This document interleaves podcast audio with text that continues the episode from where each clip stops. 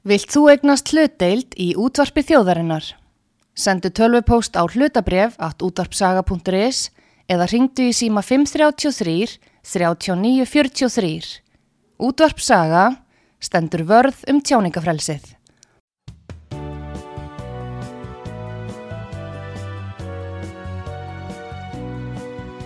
Síðdeðis útvarpið á útvarpisögu í umsjón Arnþróðar Karlsdóttur.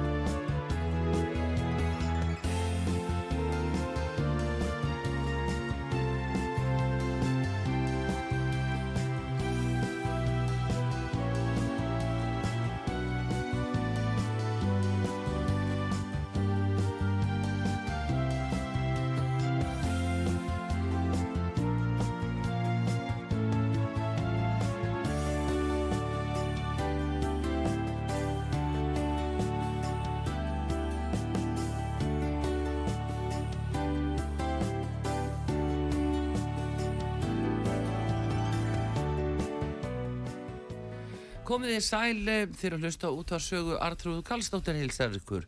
Það er komið til mín Arnaþór Jónsson, lagmaður og varaþingmaður sjálfstæðsflóksins.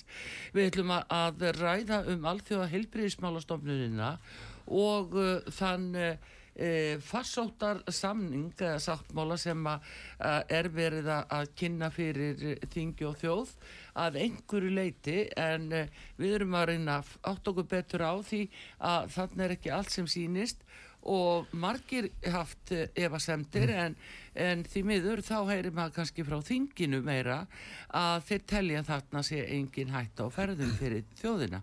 En Arnar hefur sett sér mikið og vel inn í þessi mál skrifað eh, margar bloggreinar varðandi þetta atrið og að fara onni í þetta við hann. Góðan dag Arnar og velkomin á út á sögu. Takk fyrir. Heyrðu, þetta, sko, það talað um þessa fyrirhugðu breytingar og regluverki hú og þá möguleg áhrif eh, þess á íslenska rétt. Og mm. síðan er verið að tala um faraldurs sáttmála hú. Já. þannig að þessu gerðnan jápil ruggla saman. Já, sko það er ekkit óeillegt þó að umræðan virðist á köplum hérna rugglinsleg uh, og uh, það hafa fallið, við getum sagt, stór orð í, í báðar áttir, það er að segja mm. annars vegar er sagt að við þurfum ekki að hafa neinar áhugjur mm -hmm Eh, Heilbyrðisáþurra eh, sagði það nokkur neginn á þinginu já, í fyrirspurna tíma núna 27. november og uh, á hinbóin er verið að fullir að það að, að hér sé allt bara að fara í skrúuna við séum að missa frá okkur völd og að það sé að gerast 1. desember uh, ég held að sannleikurinn liggi hér einhver staðar á milli já. og þar sem að íslensk yfirvöld hafa mínu viti sínt bara vítavert aðtarnaleysi e, í þessu máli og hafa að vera algjörlega sóhandi mm. ekki seint því að, að því virðist að taka þátt í, neinum umræðum e, korki á þingi þarna á vettvangi hú nýheldur hér innanlands Nei. og látið í veðri vaka að þarna sé bara hreinlega ekki til að hafa ágjur af og þá hef ég lagt það á mig uh, Já, ég ætlum kannski ekki að tala þannig, þetta er nú bara vinna mín. En, en þetta er enga og síðan alltaf svona krefjandi vinna að fara inn í þetta þannig að þess að skjölin er út og suður. Já. skjölin gegna hérna ólíkum nöfnum mér að segja. Já. og uh, bara þessi farsótasáttmáli frá hú hefur, ég held að ég gæti talið upp fjögur ef ekki fimm mismunandi heiti sem að þessi sáttmáli hefur gengið undir. Já. svo þetta er bísna alvarlegt mál og einhver upplýsinga óreða ef ég má lefa mér að nota vinsalast og orð fjölmjölanemdar um, um það sem blasir við Já. að það er eitthvað svona það er, það er alveg brín þörf á því að íslenskur almenningur og íslenskur íslenski þingmenn og kjörnifulltrúar nálgist einhvert fast land í þessu og það er það sem ég er að reyna að gera Já. og ég hef skrifa minnisblad um þetta mál mm. sem að ég mun aðfenda hilbreyðsáður á morgun og ég mun jáfnframt senda öllum þingmannum mm. uh, afrið af þessu minnisbladi á morgun sem er þá 30. november já, já. ok þetta er, þetta er viðfáðsefnið hjá mér núna og ég held að, að uh, það er mjög mikilvægt svo ég segi það hér við alla þá sem er að hlusta að uh, við látum ekki uh, kastan einu reiki í augun á okkur, hvað er því sem hér er að gerast og ég, ég óttast það að kjörni fulltróðar okkar hafi sömu leiðis verið blindaðir af einhverjum yfirlýsingum sem ekki eiga við raukastegjast. Ástæðan fyrir því ég segja þetta er svo að e, þetta eru tvö skjöl sem er í gangi. Já. Það hefur verið að vinna samtímis á vettvangi hú að tveimur mismunandi e, tvennskona regluverki getur við sagt. Já. Annars vegar þessum farsóta sáttmála Já. Uh, sem að þarf alþingi í mun þurfa að fullgilda eftir bara hefðbundnum reglum sem um það gilda. Yeah. og þá fer fram umræða á þinginu um það og það er þá rétt sem að viljum sagði um það að, að það mun fara í gegnum svona ákveðin reynsunar eld íslenska alþingis íslenska alþingisins. Já og þingmanna og vonandi bara taka þingmenn þá sagt, fulla ábyr á því sem það er að gerast mm. hittmálið sem er reglugerðin sem að ja. tók gildi 2005, hún er að stopni til frá 2005 Já. þar eru verið að breytinni sko verulega þar eru við að tala um uh, í rauninni breytingar sem mér sínist að séu yfir 300 Já. og margar hverjar uh, býstna umhugsunarverðar og að mínu viti mjög alvarlegar mm -hmm. uh, það sem að ég hef áhyggjur af varandi þessa reglugerð mm -hmm.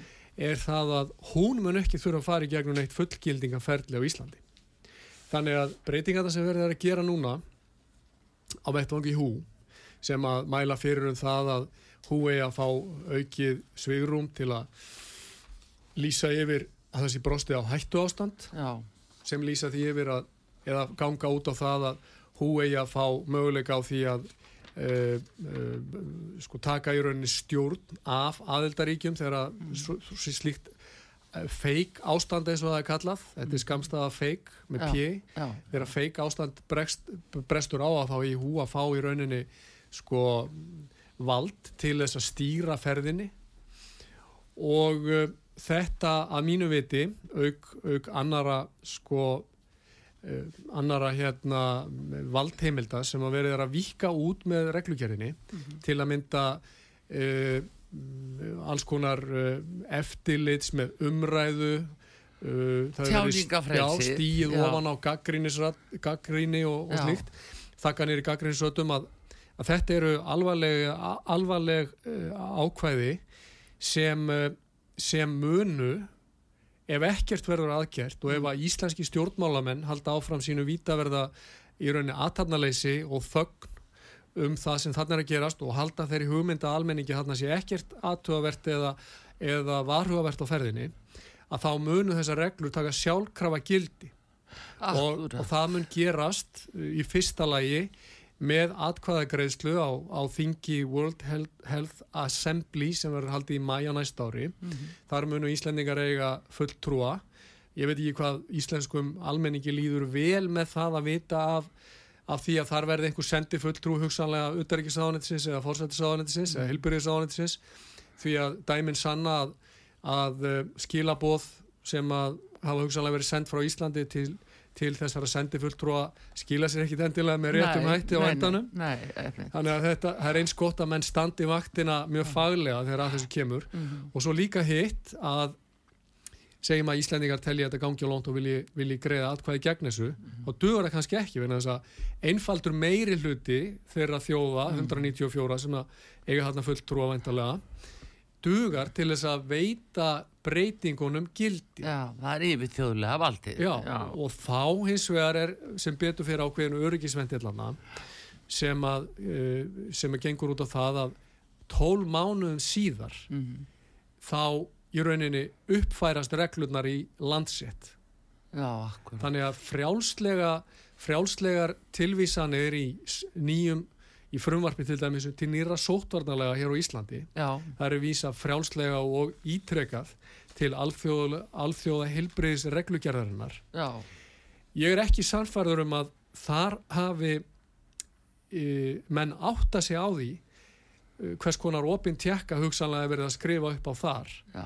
þegar að verið er á sama tíma að vinna mjög hröðum höndum að breytingum á þessari reglugerð sem að gætu þýtt það að eh, við verðum sem almennir íslenskir borgarar mm -hmm. í reynd og mhm. framkvæmt svift því sem að við gætum bara kalla grundvallar uh, stjórnskipulega varin mannréttindi mm. var mjög umhugsunarvert þegar menn rína í til dæmis þennan texta frá Alfið og Heilbríðis uh, málastofnuninni, það er að segja þessara, í þessar reglugjörð, hvernig verður það að breytinni, þá verður það strika út til dæmis að einhverjum ástæðum orð eins og mannréttindi og grundvallar réttindi, það er, strikað út og í staðin eru sett hérna orð eins og ennsku equity eða einhvers konar jafnræði aðila sem að ég er ekki sannfarður um að dögi til þess að verja e, réttindi hins almenna borgara undan þvingunarvaldi mm. e, þessara alþjóðlegu stofnun. Og ég vil segja eitt viðbót arþjóður um þetta þegar ég tala um þessa alþjóðlegu stofnun að það er alveg ljóst fyrir alla þá sem að rýni þessi tvö mm. eðna, eh, laga fyrirbæri, það er að segja annars vegar lagalögu fyrirbæri, annars vegar hann að sáttmála mm. og hins vegar þessa reglugerð að það er mjög verið að styrkja stopnana kerfi hú Já. og í reynd verið að mæla fyrir um það að þessi stopp þetta stopnana kerfi, þetta mm. stopnana bák sem þarna verður búið mm. til ofan við allt það stopnarnabák sem við búum við nú þegar á sveitastjórnar og ríkisstíinu muni fá í raun og veru ekki bara miklu meira fjármál frá aðeldaríkjunum heldur miklu meiri áhrif og völd Já. þannig að sko ég ætla að segja það einu sem enn bara svo að hérna allir hlustendur séu nú bara með það nokkuð skýrt uh, hjá sér mm. að stjórnaskráin okkar frá 1944 mm. er dýrmætasta vörn almennra borgara hverskins ofríki og misbeitingu valds mm. sem að við getum þurft að standa fram með fyrir Já. en með því að búa til vald ofar íslensku ríkisvaldi þá verður að taka áhættun á því að því valdi verði í rauninni misbeitt án þess að sé kom, hægt að koma bremsum á valdið og það er það sem að það eru hættumerkin sem ég sé í þessu það er bremsulaust vald sem er verið að búa til á yfirþjóðlegum vettvangi hvort sem það er hérna hú í þessu tilviki hvort sem það er mannréttindómstólinn sem að undir yfirskinni mannréttinda tekur sér vald sem honum hefur aldrei verið ætlað að hafa mm -hmm. eða hvort sem það er Európa-sambandið sem að seilist til lagasetningavalds og pólitískra áhrif á Íslandi mm -hmm. sem að Íslandingar hafa aldrei samþygt að það hafi Akkur. að þá er þetta eitthvað sem að Íslandingar verða að hafa vakandi auga með og það er af einfaldri ástæð Artrúi sem við þurfum að gera það mm. við skal segja hversu ástæð er hún er svo að það var allan nokkur einasti þingmaður á alþingi Íslendingi í dag af öllum þessum 63 sem það sitja mm. sem er að standa þessa vakt sem er raunverulega með vakandi auga fyrir þeirri valda ásælni sem að smárikið Ísland sætir nú mm. þessi misserinn og og, og það, það gerist þá trekk í trekk að ekki bara því sé neitað að þessi hætta sé fyrir hendi mm. að vald sé að legur landi án líðræðisleis umbós mm -hmm. heldur líka að það sé með beinum hætti unnið af því af hálfu alþingismanna að slíkt vald sé sett úr landi þess, og þetta er alvarlegt Já. vegna þess að stjórnaskrá okkar leifir ekki valda framsal með þessum hætti og þess vegna þurfa allir þeir þingmenn sem á þetta hlusta að átta sig á því hví líka ábyrð þeir bera mm -hmm. ef að þeir ætla að skrifa upp á sáttmála eða fullgilda hér sáttmála sem gengur þverta á íslenska stjórnarskrá Já. eða ef að menn ætla aðtóa senda laust eins og hverjar áhorfendur að horfa á það að veri sé að búa til nýtt valda, valdakerfi framselja vald til yfirþjóðleira stofnunar í báa við íslenska stjórnarskrá þá er það þá er það bara, við skulum bara kalla það bara lögbrott, stjórnarskrafbrott og aðrir óvandaðri menn getur notað sko sagt, eða skulum segja óheflaðri menn en ég getur notað sko ennþá hérna uh, alvarlegri orðum það. Þess vegna, þess vegna verða alþingismenn að standa vörð um það sem þeim hefur verið falið að standa vörðum mm. ef við varum í borgríki með borgamúra mm. og þeir hefur verið settir upp í varturnana og þeim varum borgað fyrir að sinna vartstöðlutverki þá eiga þeir ekki að sleppa því og horfa bara niður til okkar og segja að við erum rólega á þess að horfa út fyrir borgamúruna þetta Já, er þeirra hlutar Þetta er nefnilega spurningin um að, að kunna meta þetta að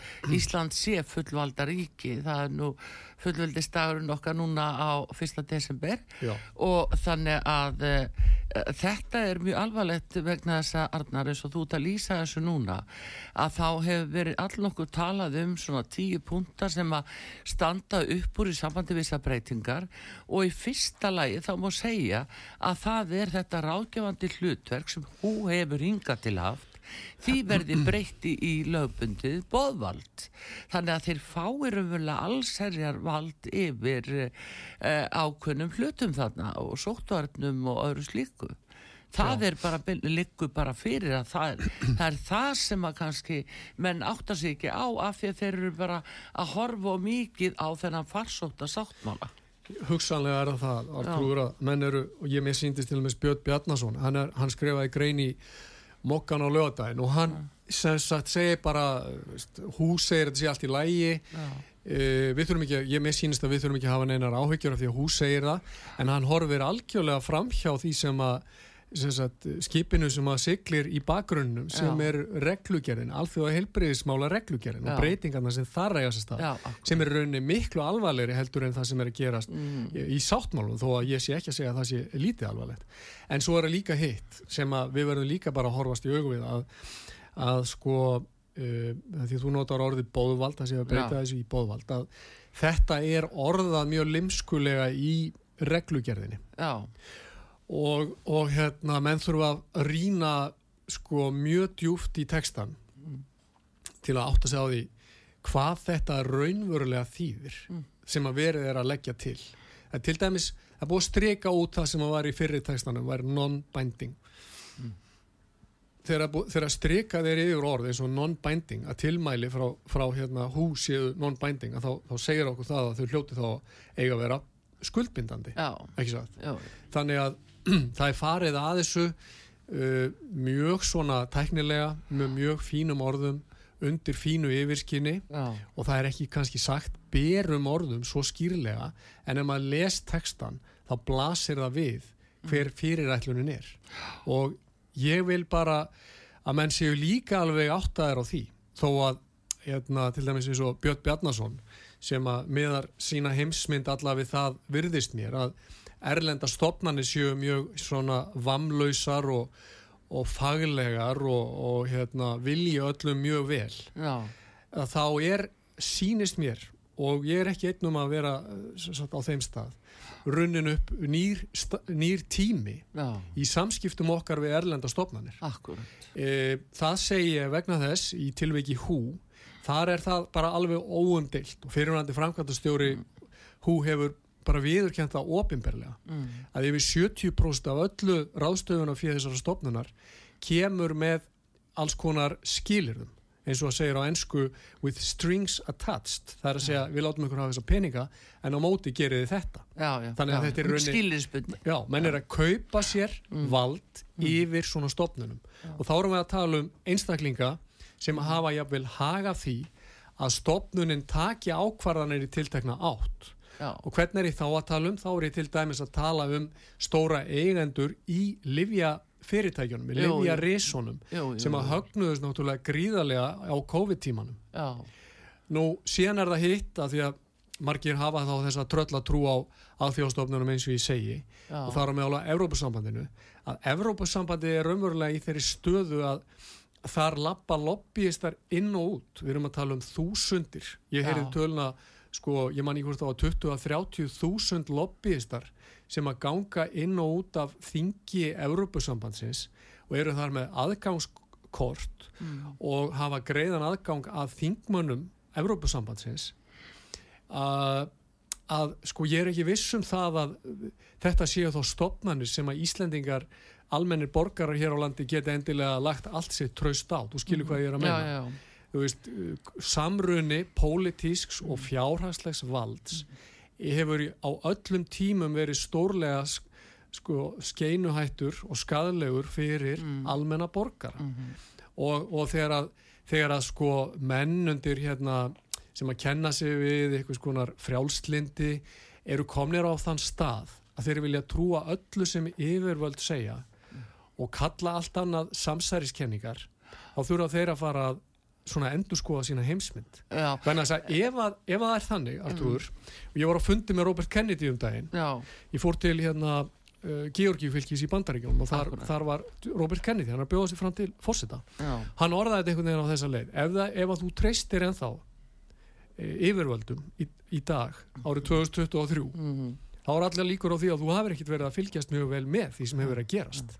Hér talar maður sem að hefur bara heyrist mér sjálfur bara sagt það bara blákalt og er ekkit feimið við það lengur að segja bara að leinið þjónusta bandaríkjana hafi tekið föðubróður hans að lífi og átt þátt í því að faðin hans var tekinn að lífi Já.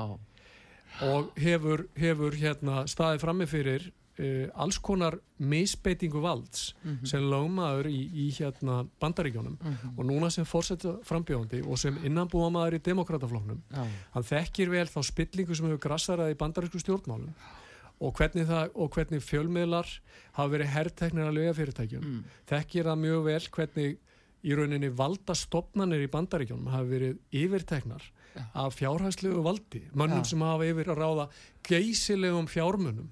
Hvernig er að, að því að veriðist kift sér til áhrifa þarna innan, innanbúða Já, og hvernig þessar stopnarnir hafa í rauninni, hafa í rauninni uh, kasta fyrir róða öllu sem við getum kallað örgis hagsmunni almennings. Já, við sjáum hvernig dómskerfið hefur nú aldrei lesi umturnast Já, dómskerfið hefur brúðist mm. og uh, því miður þá, mm. þá er það bara ég tala hérna núna bara sem lögmaður ja. hann vandi hort á það sem að gerst hefur bæði hér á Íslandi og annar staðar ja. hvernig í raunni í COVID-inu stjórnaskráin umbreytist bara í leiktjöld ja. hvernig var hægt að segja bara já við erum með þessa stjórnaskráin það var svo ofsalega mikið hættu ástand að það var leifilegt að íta henni til hliðar það var leifilegt að leifa stjórnvöldum að neppa fólk í stofafangilsi og, og beita alls konar þvingunaradgjörðum mm -hmm. þannig að maður spyr sig framifyrir því sem að hér hefur gerst mm. hver er vörn almennra borgara ég held að við getum ekki treyst á það því miður að kjörni fulltrú að munu standa þessa vakt ég held að dæminn sanna, sanni það síðustu misseri mm. uh, og saga síðustu missera að við getum ekki stólað á, á embættismennina sem eiga þú að vera að vinna í þá þjóðarinnar og eiga að verja íslenska stjórnarskrá. Ég held að við getum ekki stólað á það að erlendar yfirþjóðlega stopnarnir munu verja okkur. Þeir einu sem munu verja okkur eru við sjálf. Það er að við sjálf stöndum upp og segjum bara nú, nú líkur þessu. Nú bara, nú sópum við burtu þeim sem að sitja á okkar launum inn á mm. þinginu en voga sér samt sem áður mm. að vinna gegn því sem þeir hafa lofað almenning að gera og voga sér að vinna gegn stjórnaskra á Íslands mm -hmm. og grafa undan réttaríkinu eins og gert hefur verið Þetta, þessu verður að linna og hér er enginn að fara að koma okkur til hjálpar annar en við sjálf. Nei, en þess vegna er það náttúrulega sko, það er nú verið bara svona svolítið munstur hérna hjá okkur Arnar, að, eldri uh, fyrrum valdhafar þeir eru ymitt að skrifa og leggja svona leggja línuna, mm. þeir eigið ekki vera tortringin, treystiði bara blindandi, af því að einhver tíma kannski var þetta hægt en þetta eru bara svo breytti tímar. Og eins og þú nefnir sjálfur að núna er þetta ekki lengur sko einróma samþyggi heldur sko bara meiri hlutin ræður og hvaða hagsmunir eru það hverjir komast inn á þennan meiri hluta og jábel fjáraslega inn á þá sem að valda afdreifaríkum breytingum Já, ég held að ég vil segja um þetta Artrúður að það hefur verið til staðar mm. og allir vita sem að hafa fylst með það er til það sem heitir á ennsku revolving door, mm. milli stór fyrirtækja og, uh, og fjár, við skulum kalla það bara svona hins alþjóðlega fjármaks mm -hmm. annars vegar og stjórnmálana hins vegar. Við sjáum þetta til dæmis í því þegar við þurfum ekki annað en bara horfa alþjóðlega rástöfnur Já. hverjir eru þar mættir til þess að segja við almenning því þurfum ekki að hafa áhyggjur. Já. það er eins, eins og þú segir ofta á tíðum fyrirverandi stjórnmálamenn. Tony Blair er búin að vera, er búin að vera tíður gestur á, í Davos e, þar hefur Keith, hvað heitir hann hérna verkamanna leittóin e, formaður verkamannflóks í, í bandarum Keith Starmer. Já, hann hefur verið á þessum Davos rástöfnum og þú segir að þau séu miklu það séu miklu skemmtilega að vera þar en á breska þinginu. Já. Uh, við höfum hort upp á það að Cameron, David Cameron fórsettisáður af Breitland sem að núna er komin aftur já. er búin að vera í sérverkefni meðalans fyrir Kína á þeim já, tíma sem að liðin hefur frá því að hann hætti stjórnmálum og við sjáum ég, sko, við sjáum þetta uh, við sjáum bara mjög mörg dæmi um þetta. Já, og uh, og hérna, þetta er áhugjumál og þess vegna segi ég e, ég, þetta er bara spurning til þeirra sem er að hlusta. Mm. uh, erum við mögulega með rétta fólkið í, uh, í hagsmuna gæstlunni fyrir okkur? Höfum við kosið fólk á þeim uh, forsendum að þetta sé fólk sem kann að segja nei sem kann að sko og þorir að, sagt, að standa mögulega stundum gegn strömmnum eins og Já. þú getur ímyndaður að þurfa að gera á þessu þingi World Health Assembly þar sem á kjósum þessar, þessar reglugjörðabreitingar þá þarf sterk bein til þess að þóra að mm. standa upp og segja nei, við ætlum ekki að vera með í þessu mm. eða höfum við Íslandingar verið að kjósa fólk á þinga því að það er svo bara veist, þetta er allt viðkunnalegt og gott fólk já, já. sem að vilja vera vinsæl byrju, þurfum við mögulega að fara að kjósa fólk erum við á þeim stað mm. að við þurfum mögulega að fara að kjósa fólk inn á þing sem að bara þorir að vera ofinselt þurfum við annars konar fólk í stjórnmálin mm -hmm. hérna, þú hefur ekki sendt ef, að, ef við tökum aftur samleikingunum borgamúruna mm -hmm. þú, veist, þú, þú myndir ekki senda hugdegustu eh, mennina í framlínuna til, til að verja þig. Nei. Þú myndir ekki senda endilega kurteisasta fólkið. Þú myndir hafa einhverja aðra sko mælikvara þegar þú ert að velja. No. og ég bara spyr og kjósendur geta velti fyrir sér hver hefur á alþjóðlega vettvangi í setni tíð komið hérna til varnar íslenskum hagsmunum? Mm -hmm. hver til dæmis, nú hafðum við hér fórseta, hérna Ólaf Ragnar það, það, við skulum minnast þess hvernig hann stóð í rauninni einn, jáfnveil gegn þinginu þegar æsef brast á Já, og eftir kjölfar bankarhunsins, e, kjölfar hriðverkarlagana sem breytandi sett á okkur, já, þá reys hann bara upp og, og reyna tók á því gegn. að eini maðurinn, ráðfræðinni voru bara hortnir. Einmitt, og við skulum ekki gleyma því heldur, mm. ein, ég hef sagt það og ég vil segja það aftur, mm. af því það er vinsalt að tala íllum Davíð Oddsson. Eini maðurinn sem helt haus eftir að allir voru hlaupandum eins og hauslösar hænur eftir Já. að hérna, allt var farið í vaskinina það var einn maður sem helt haus það var Davíð Ótsson sem sagði við borgum ekki skuldir og rauðum hana Já, hann þorði að segja satt Já, og, mm. og að því að líka vinsalt tala ítlum Jón Baldvin Hannibalsson hann var maður sem að þorði að segja að standa með baltnesku þjóðanum mm -hmm. þegar við, þær voru undir, í mikill hættu Já. og ég bara spyr sjálfa mig og kjósundu geta velti fyrir sér mm. hvar eru þessi menn í dag hvar eru sagt, fulltrúar slíkra manna í dag já, inn á þinginu. Ég vonaði séðan Artrúr ég vonaði Jú, einmitt, einmitt, en það var að þú nefni Jón Baldvin og það nú árið 2017 sem að hann segir þessa frægusetningu. Þú lapar ekki inn í brennandi hús þegar hann var spurður um það hvort Ísland ætti að sækjum aðelda að Europasambandinu og þetta urður hún dýrkeift uh, ummæli. Hann þótti eiginlega hafa sviki sína fjela hann var verið talsmað fyrir uh, aðild Íslands að Europasambandinu mm og allavega EES eins og nú, hann áttur nú þátti og þeir báðir hann og David mm. en, en sko hann þurft að líða ymmit fyrir það að koma með gaggrinni af því að menn vissu að það var tekið marka honum þeir vissu að hann vissi nánast manna best hvað þarna hjekk á spýtinni Já. og þetta þótti svo mikil ágjöf að uh, það var náttúrulega farið í það alveg að en sem er náttúrulega ekkit endilega sér íslenskt fyrirbæri en við erum alltaf ofta að sjá það Arnar mm -hmm. að fólk er bara gas, fyrir gaslýsingu og náttúrulega allt sett á stað til að fella það. Já, ég, hérna, ég var að blogga í gæra því hún nefnir mm. þetta. Ég var að, svo, ég er nú að blogga, ég kem mér svona hálftíma á mótnana til að blogga Já. og ég er að reyna að vera búið með þetta fyrir kljóða nýju. Já.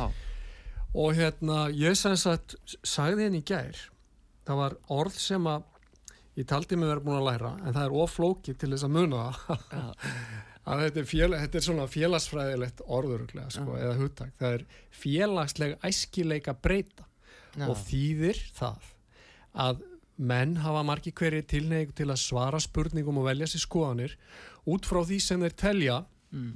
að sé félagslega viðurkent á hverjum tíma mm -hmm. og hérna og þess vegna segi ég þegar svona er, þegar svona er komið þegar við erum farin að svara spurningum eins og við heldum að við eigum að svara þeim Já. eða út frá því sem við höldum að sé vinsælt að þá er þá erum við að gefa falska mynda á sjálfum. Já. ok. Og uh, Jón Baldvin að því hún nefnir hann ég menna þetta er maður, ég vissum að hann er með uh, greindavistölu töluvert fyrir ofan það sem að getum sagt bara meðalgreind. Já, ég held að það er ekkit á hérna- milli mála. og, hérna, en, og hann má þá, hann skilur það Já, en þá er hann líka álítinn hættilegur Já, kannski Já. En hann skilur það einmitt að, að hérna, heimurinn alltaf breytast Já og við getum ekki gengið um með hérna, skoðanir okkar eins og steinbarn í maðunum eins og Lagsnes sagði mm. í mig viðtali við Mattias Jóhannesson mm. sko, sá sem gerir það hann er, bara, hann er með steinbarn sem hann getur ekki endilega og mun ekki geta fætt sko. þetta er ófrjó ófrjó tilvera mm. og Jón Baldvin bara hefur hort á það sem hefur gerst innan Európa-sambandsins á, á síðustu árum og áratugum og bara það, þarna, þessi lest Eh, hendar okkur ekki lengur, við erum ekki að fara á þennan áfangastað. Nei. og hann, hann segir það og það kostar hann eh, óvinnseldir innan síns flokks og, og allt í góðu með það, hann heldur áfram með sitt líf. En, en þetta er það sem við þurfum að geta gert í staðin fyrir að vera þjöguða félagsleiri æskileika breytu, ég vona að ég sé að segja þetta rétt Já þá eigum við að þóra að tjá okkar eigin skoðanir Já. og það sem er náttúrulega alveg magnaða í rauninni, ég vil bara líka fá að nefna það fyrst ég er nú meðan að hljóðnum að hérna Já. hvað það er lítið umburðalendi gagvart í íslenskri pólitík og nú hef ég ekki sagt neitt til dæmis mm. ég ætla að fullir það hérna fyrir framæðan að hljóðnum mm. ég hef ég hef skrifað sennilega hundruði greina mm. Ég hef sennilega verið í útvarsviðtölum og fyrir fram að hljóðnema í tögja klukkustunda og ég hef aldrei sagt eitt einasta orð sem að rúmast ekki mjög þægilega innan sem við, þess sem við getum kallað klassískrar stefnu skrár mm. sjálfstæðisflokksins. En af því að ég kaus að tjá mínar eigin skoðanir mm -hmm. á ýmsu því sem að flokkurinn er að gera, það er að segja þingflokkurinn er að gera og af því að ég hef kosið að tjá þær hugsanir mínar til varnar því sem að ég kalla hugsanir sjálfstæðis fólks á Íslandi mm. að þá er ég orðin einhvers konar sko útlægi mm. í meðal sem sagt uh, uh, þingmanna Já. og í þingflónum og, og hérna menn geta bara sko veldi fyrir sér hvers konar sko pólitíst umhverfi er það.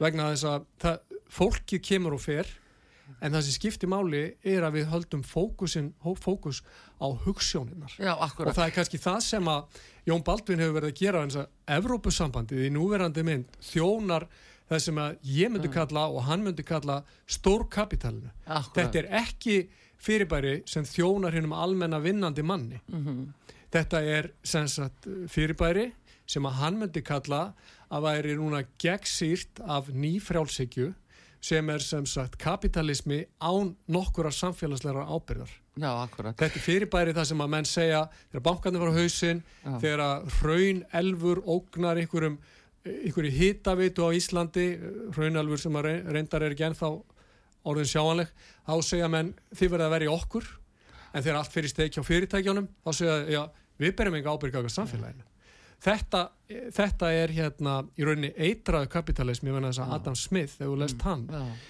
Uh, auðleg þjóðana mm. og aðra þá sem að voru til dæmis á göngu um, um stræti í Edinborgar á sama tíma mm. hugsuðir sko af, af meiði upplýsingarinnar og klassískara frjálsíkju að þeir voru allir meðvitaður um það að þeim sem að gengur vel, þeir eru að bera samfélagslega ábyrg, þeir hafa gafkvært þeim sem að gengur verst ah. og það gera þeirra frjálsum vilja, skilur þú hvað ég er að fara já, já, já, en ekki veist, ríkið í þessari núverandi mynd sem að þvingar okkur til, til þessa og hins mm. og, og, og seglist sífælt dýbra í, í vasan okkar, jafnvel út af hamförum sem að auðvitað miklu minni heldur en, heldur en gefið var út í upphæði eins og í Grindavík.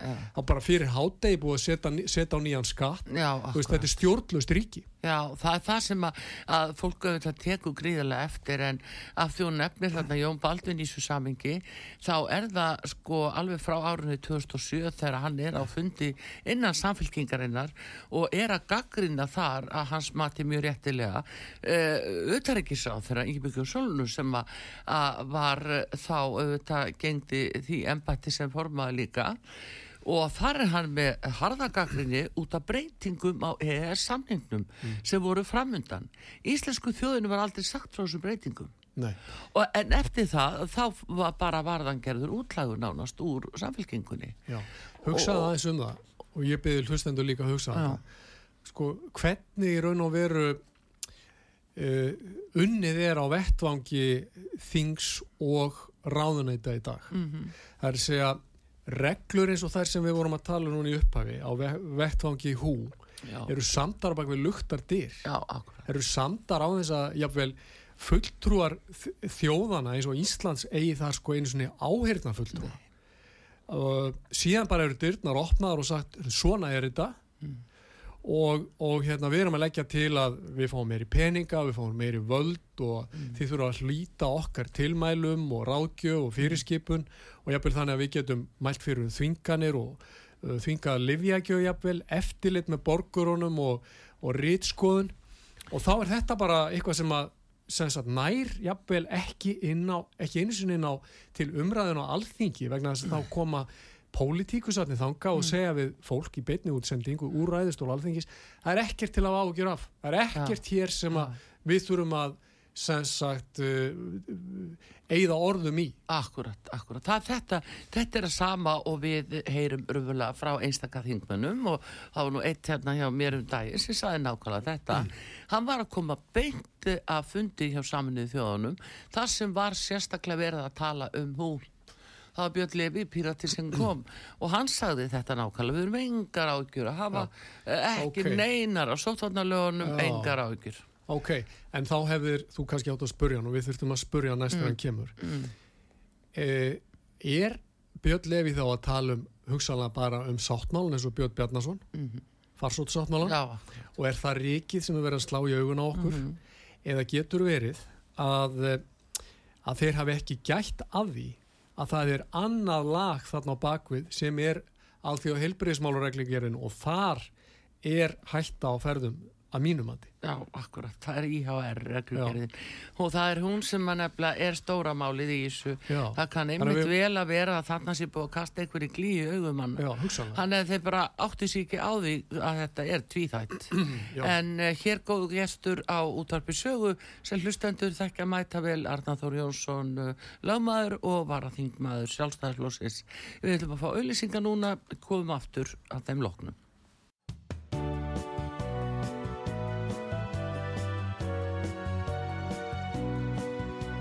Síðdeðisútvarpið á útvarpisögu í umsjón Arnþróðar Karlsdóttur.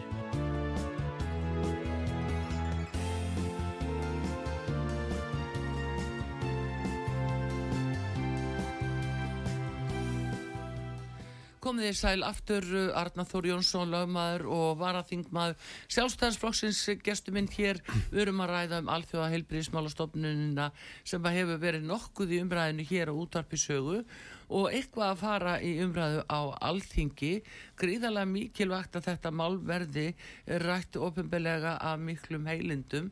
Arnar hefur uh, sannlega skrifað og bloggað mikið um þetta og er að segja frá sinni sín á málið.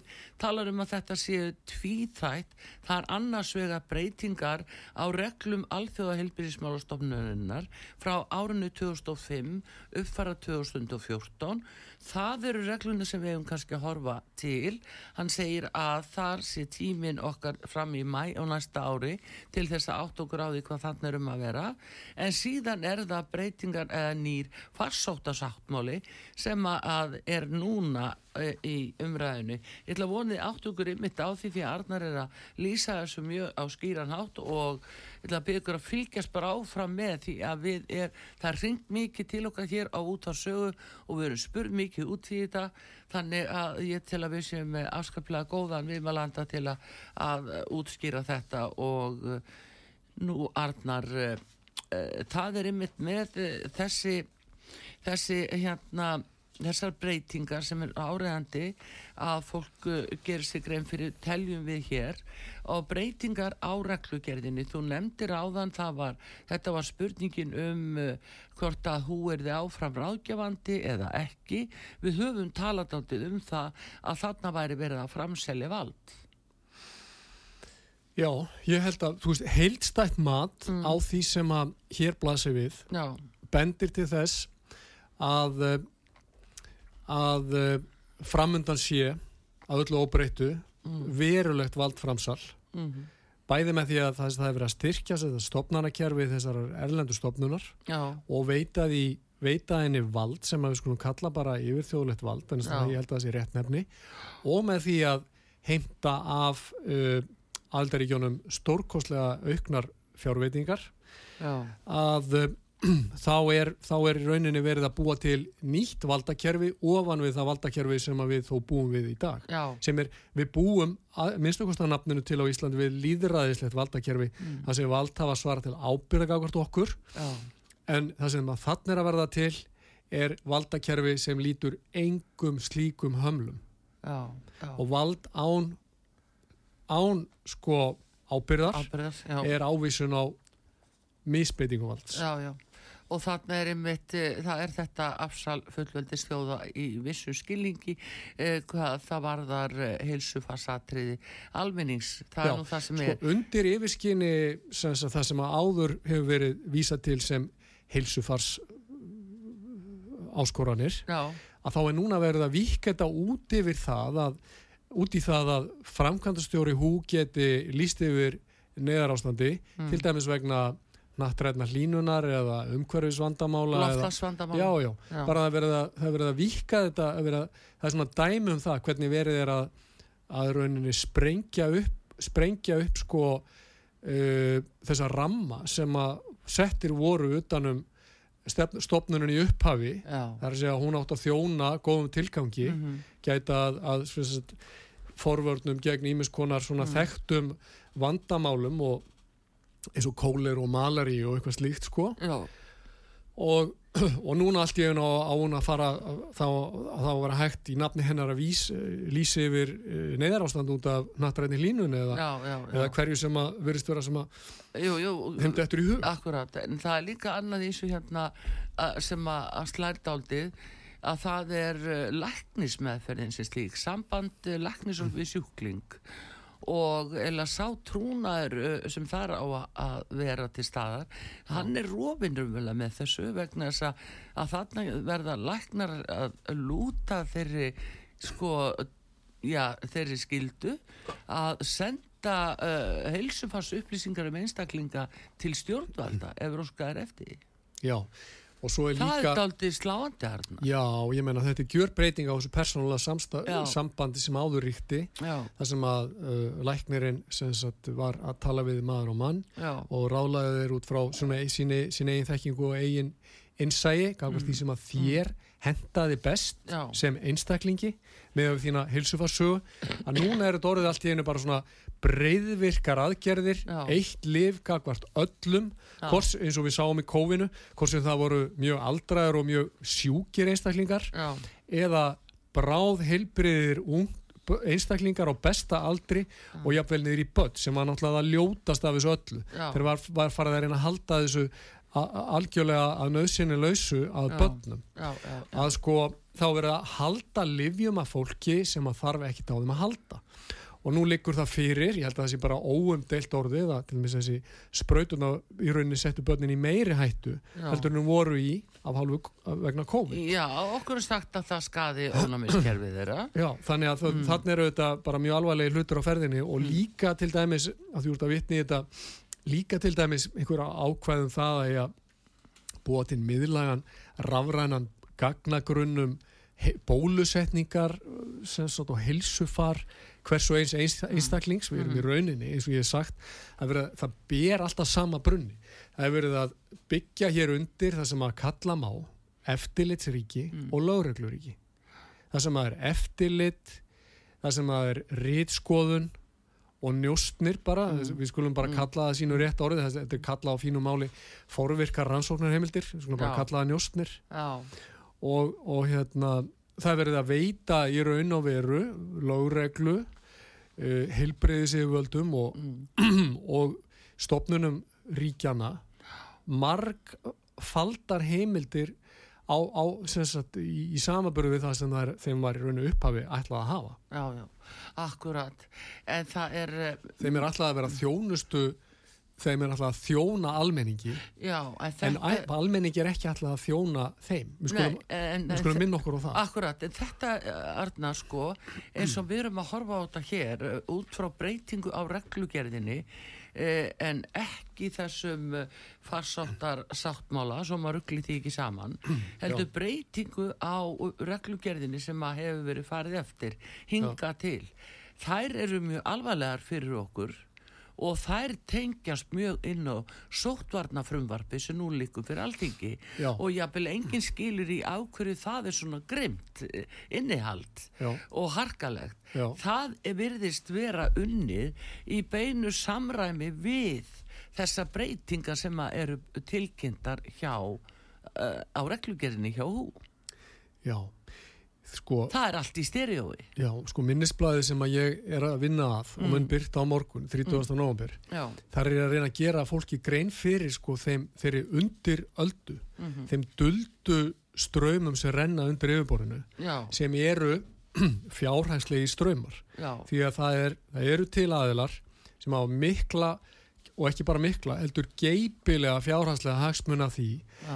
að þessu málum verði komið í eina miðstýrða sæng Já. og að ein, ein miðlæg stopnun geti gripið til svona aðgerð og fyrirskipað jafnvel þvingunar rástafan ekki að hvert almenningi. Já, og þetta eru þá ofta tíðum þá eigendur livjarísana sem að högnuðust, ég meina það er bara staðrind við skulum bara rifja það upp. þeir, þeir högnuðust, ég held að Pfizer, talan var mm 21 og 22 yfir 30 miljardar bandaríkjadólara í hagnað á hverju áru um sig. Já.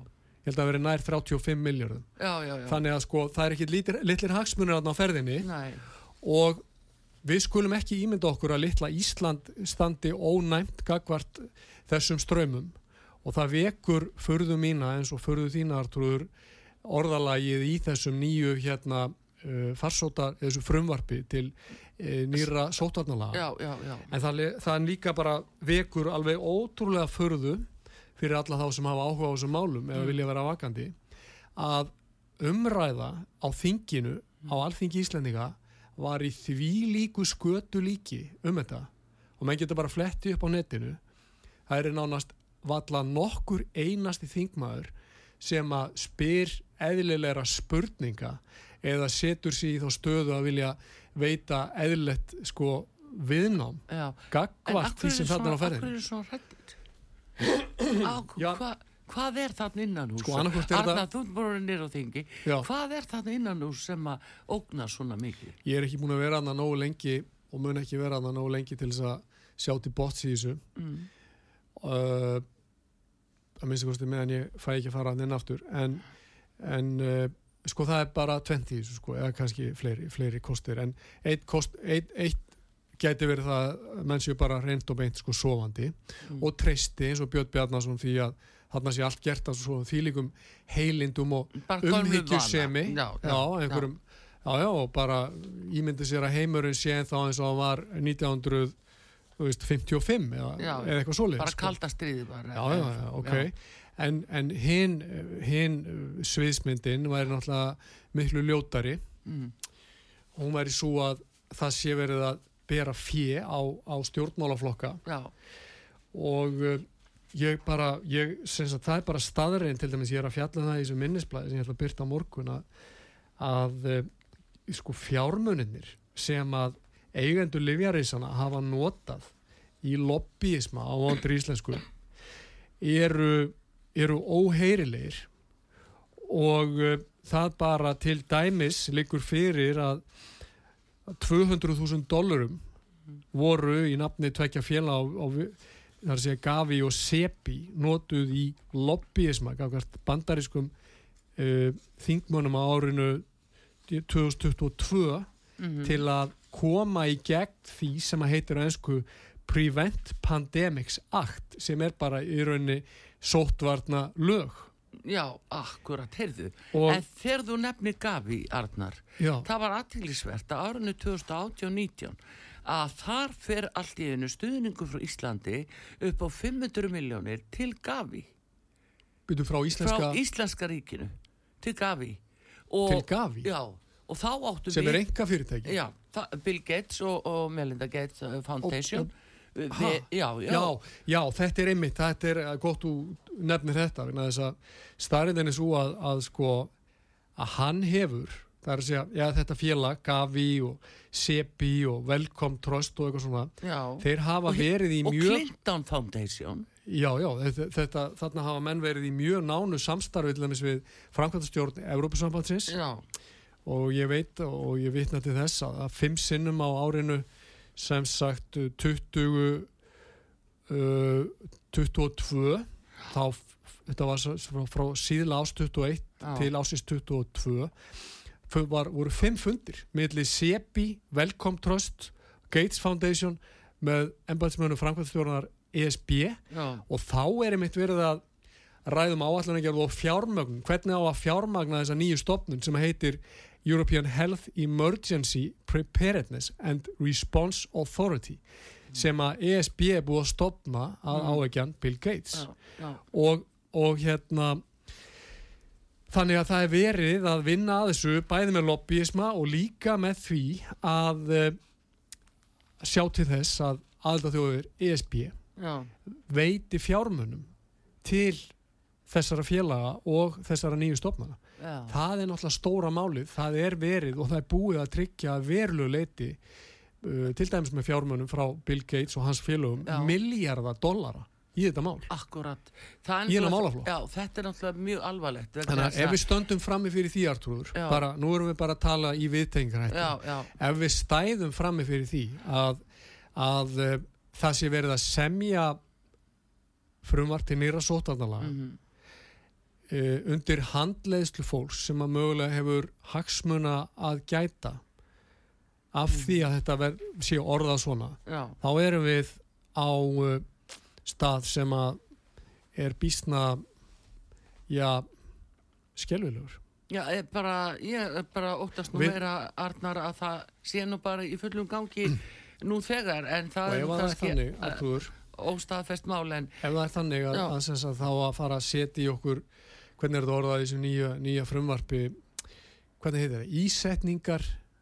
Uh, Nei, það er, það er Íhluti? Já, það eru íhlutir og framandi efni. Já, íhlutir og framandi já, efni. Já, þetta er sjötta grein sko, í tölu hérna í Já, í töluleðunum og þar er sko talað um að það með rista skurð og húð og setja framandi efni Sko þetta, þetta sem þú, sko orðalag já. sem ég hef vissulega séð í frumvarpinu og já. takk fyrir að minna með það mm -hmm. þetta, þetta hljómar í auðru allra bara eins og þetta væri tekið beint upp úr sko lögum um dýralækningar við eigum ekki að láta koma leifa stjórnvöldum mm. að koma fram við okkur eins og við séum búfjanaður við eigum ekki að láta smal okkur í hjarðir við eigum ekki að láta leið okkur til sláturunar ef að má nota það orðala já, já. ég meina það ekki bókstálega því að taka allir svona hlutum bókstálega við eigum, við erum menn okkur er gefið gefin frjálsvilji við eigum samkvæmt öllu að njóta mann réttinda já.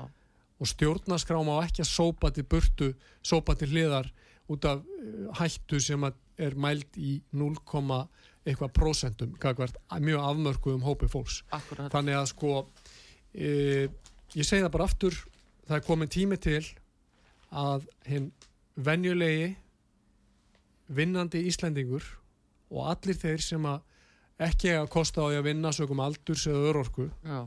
eða æsku rýsi á fætur og segi ég vil fá að njóta hér virðingar mm. og frelsis ég vil að, borg, ég vil að stjórnvöld komi fram við, mig eins og mann sjálfráða, Já. sjálfsábyrgan frjálsan mann mm -hmm. en ekki eins og búfjanað Já, akkurat, en Arna, bara svo ég takki dæmi, svona hugsalegt dæmi sem að, þetta gæti þýtt í framkvæmt e, miða við að reglumgerðarbreyting hú takki gildi þá hefur hún áhrif á íslensku sótvarnalögin ef að þau verða þetta frumvartverður á lögum þá þýðir að þannig að þeir setja leikreglunar og geta líst yfir faraldri yfir öllum mögulegum sem við vorum að tala um. Síðan eru það viðbröðin og það er sagt, jú, nú er allir að fara í spröytu meðferð út af þessu einhverju muni segja nei þá hefur sóttunarleiknir heimildi þess að fá aðstöð og aðstóð og atbeina lauruglu við að handaka fólk fara með það nauðugt viljum í slíka meðverð mm -hmm. það má mista það á stopnun flytið á millistopnana mm -hmm. sem að geta verið gefekra hæli til dæmis af því að menn vil ekki hlýða yfirvöldum mm -hmm. og, og, og þannig að þarna er ákveðin hægt á ferðum hvernig er hægt að taka heilu hópana sem að setja sig gegn þessu? Já. þetta fólk, er bara svona dæmi. fólk þarf að fara að vakna og finna brunalöktina og brunalöktin, hvaðan kemur hún? hún kemur frá stjórnarskrafn okkar sem að stendur til að byrja að kveikja í. Já, akkurat það sem er reykur, þar er eldur já, við erum ekki að láta það gerast. Nei, aðeins að lokum í, í sambandi við egnarhaldið á hú, alltjóða heilbríðismálastofnunni það hefur svolítið verið hér í umræðinni og við höfum nú sagt að það sé að meiri hluta til í eigu e, fjármagseganda og hagsmuna aðala og þessara sjóða og félaga sem að, að leggja stofnuninni til fjármunni en formlega séð er þetta undirstofnun og við höfum saminuðið þjóðana en er eh, sjálfstæð að því leiturni til og hún er með sjálfstæðan fjárhag og verður sér út um fjárhag mm. og eh, við erum upp á heimasíðu hústendur þessi með 84% eh, fjármögnun sko frá félögum og stopnunum uh, út í bæ eins og sagt einstaklingum en uh, miklu bara svona lítið frá aldar uh, ríkjónum mm -hmm. þau eru að borga raunverulega lítið mm -hmm. nema þá eins og við Íslendinga vorum að borga í gafi Eh, til eh, Bill Gates. Mm -hmm. þannig að það er svona spurning hvernig því er háttar en þarna hins vegar í heimsmarkmiðum saminuðu þjóðana 2030 þá er gert ráð fyrir því að þessi að aldaríkin greiði 50% og síðan þessi utanakomandi hérna fjármögnun frá Livjarísum og öðrum hún sé 50% líka. Það stemtaði að minka þetta. Já, okay. dragu úr því. Ok En hvað hef ég langan tíma til að tala um þetta? Bara talaðu. Sko, það, þetta er alveg rétt hjá þér. Það likur fyrir að, að þessi eh, alþjóða hilbyrgismálstofnun er að miklu leiti fjármögnuð af livjarísum og eigandi þeirra og það likur fyrir samkvæmt og buru gögnum mm. að þessi stofnun, þar sé að hú, þykkur 15 eða 20% af öllu sínur ástöfunafið frá félögum sem tengjast Bill Gates og þetta eru sem sagt eh, um, við, þetta er einhver smá fjárhæð, við erum að tala um 1,4 miljardar sem að Gates Foundation og Gavi lögðu til að hérna hú á árinu 22 og uh, það fóru þar, á, þar af fóru 170 miljónir dólara sérstaklega til, til hú vegna COVID-19 tengdra rástafana og þetta, bara þetta sem að hann er að leggja fram, eða hans félug þetta eru herri fjárhæðir heldur en bandaríkin leggja til þetta eru herri fjárhæðir heldur en ESB er að leggja til. Mm svo að þetta er uh, mjög umhugsunavert því að það er, það virðist bara vera það að menn geti keift sig til valda og áhrifa mm. það er ekki nýsa, það er gömulsa þannig að það mætti svona leggja saman tvo og tvo og segja að hann hafi þá öðlast mikil, mikil vald undir stopnun og ítt undir að það hún beiti sér fyrir aðgerðum í baráttu við heimsfaraldra meðal annars eins og hún gerði með að mæla fyrir um grímunótkun, fjarlæðamörk, útgöngubann, eftirlit, bóluefnapass og fleira og það sem gerðist í faraldrinum COVID-19 þá allt í hennu var þessi stopnun hú orðin eindregin málsvari þessara bóluefna, þessara mRNA bóluefna ja. en, en þessi nótkun þeirra livja sem að Bill Gates er stór hlut hann er stór hlutafi í framleiðendum þessara líka hún markfaldaði gróða fyrirtækjana já. og um leið þegar gróði fyrirtækjana að eikst þá aukast völd og áhrif fyrirtækjana sem að svo nota hluta af þessum peningum til að fjármagna aftur stopnun eins og hú og aðrar sagt, þá stofnanir eins og mm. Bara, það eru, eru vafalust fleiri yfir fra, Já, framkvæmda aðila líka. Já, já. já, þannig að ég held að menn, menn verða bara til dæmis, ég finnst ekki ómálefnalegt þó einhverju myndi spurja býtu getur verið að, að hluti af öllum þessum ofbóðslegu fjármennum renni hugsanlega til stjórnmálaflokka eða einstakra stjórnmálamanna? Mm -hmm. Þa, það er spurning sem að annaðis gerist nú elendis já, en við, við skulum bara vona að það sé hægt að hafa þetta upp á borðinu.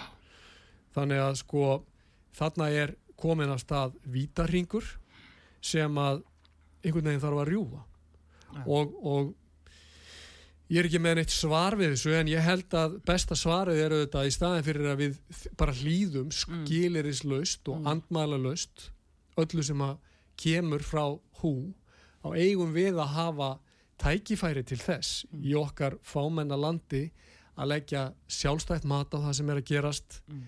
Uh, meta aðstæður út frá landfræði út frá líðheilsu mm. út frá aldurstreyfingu út frá búsetu og svo framvegs því að ein aðferð eins og vorum að tala um áðan Já. eitt lif gildir ekkit endilega fyrir, fyrir alla. Nei, það er líka reynslan að sína sig. Að heldur betur.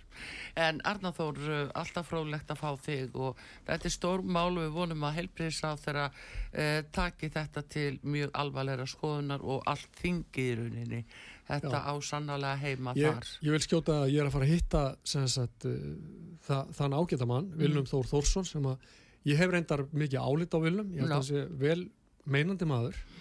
Uh, ég spyr mig hvort hann sé með nægilega góða ráðgjafa og ég ætla að hitta hann á morgun, ég ætla að afhanda hann um þetta minnisblad og tala við hann. Ég veit að Vilum óskar íslenskri þjóð allsins besta en hann verður þá líka að sína það í verki.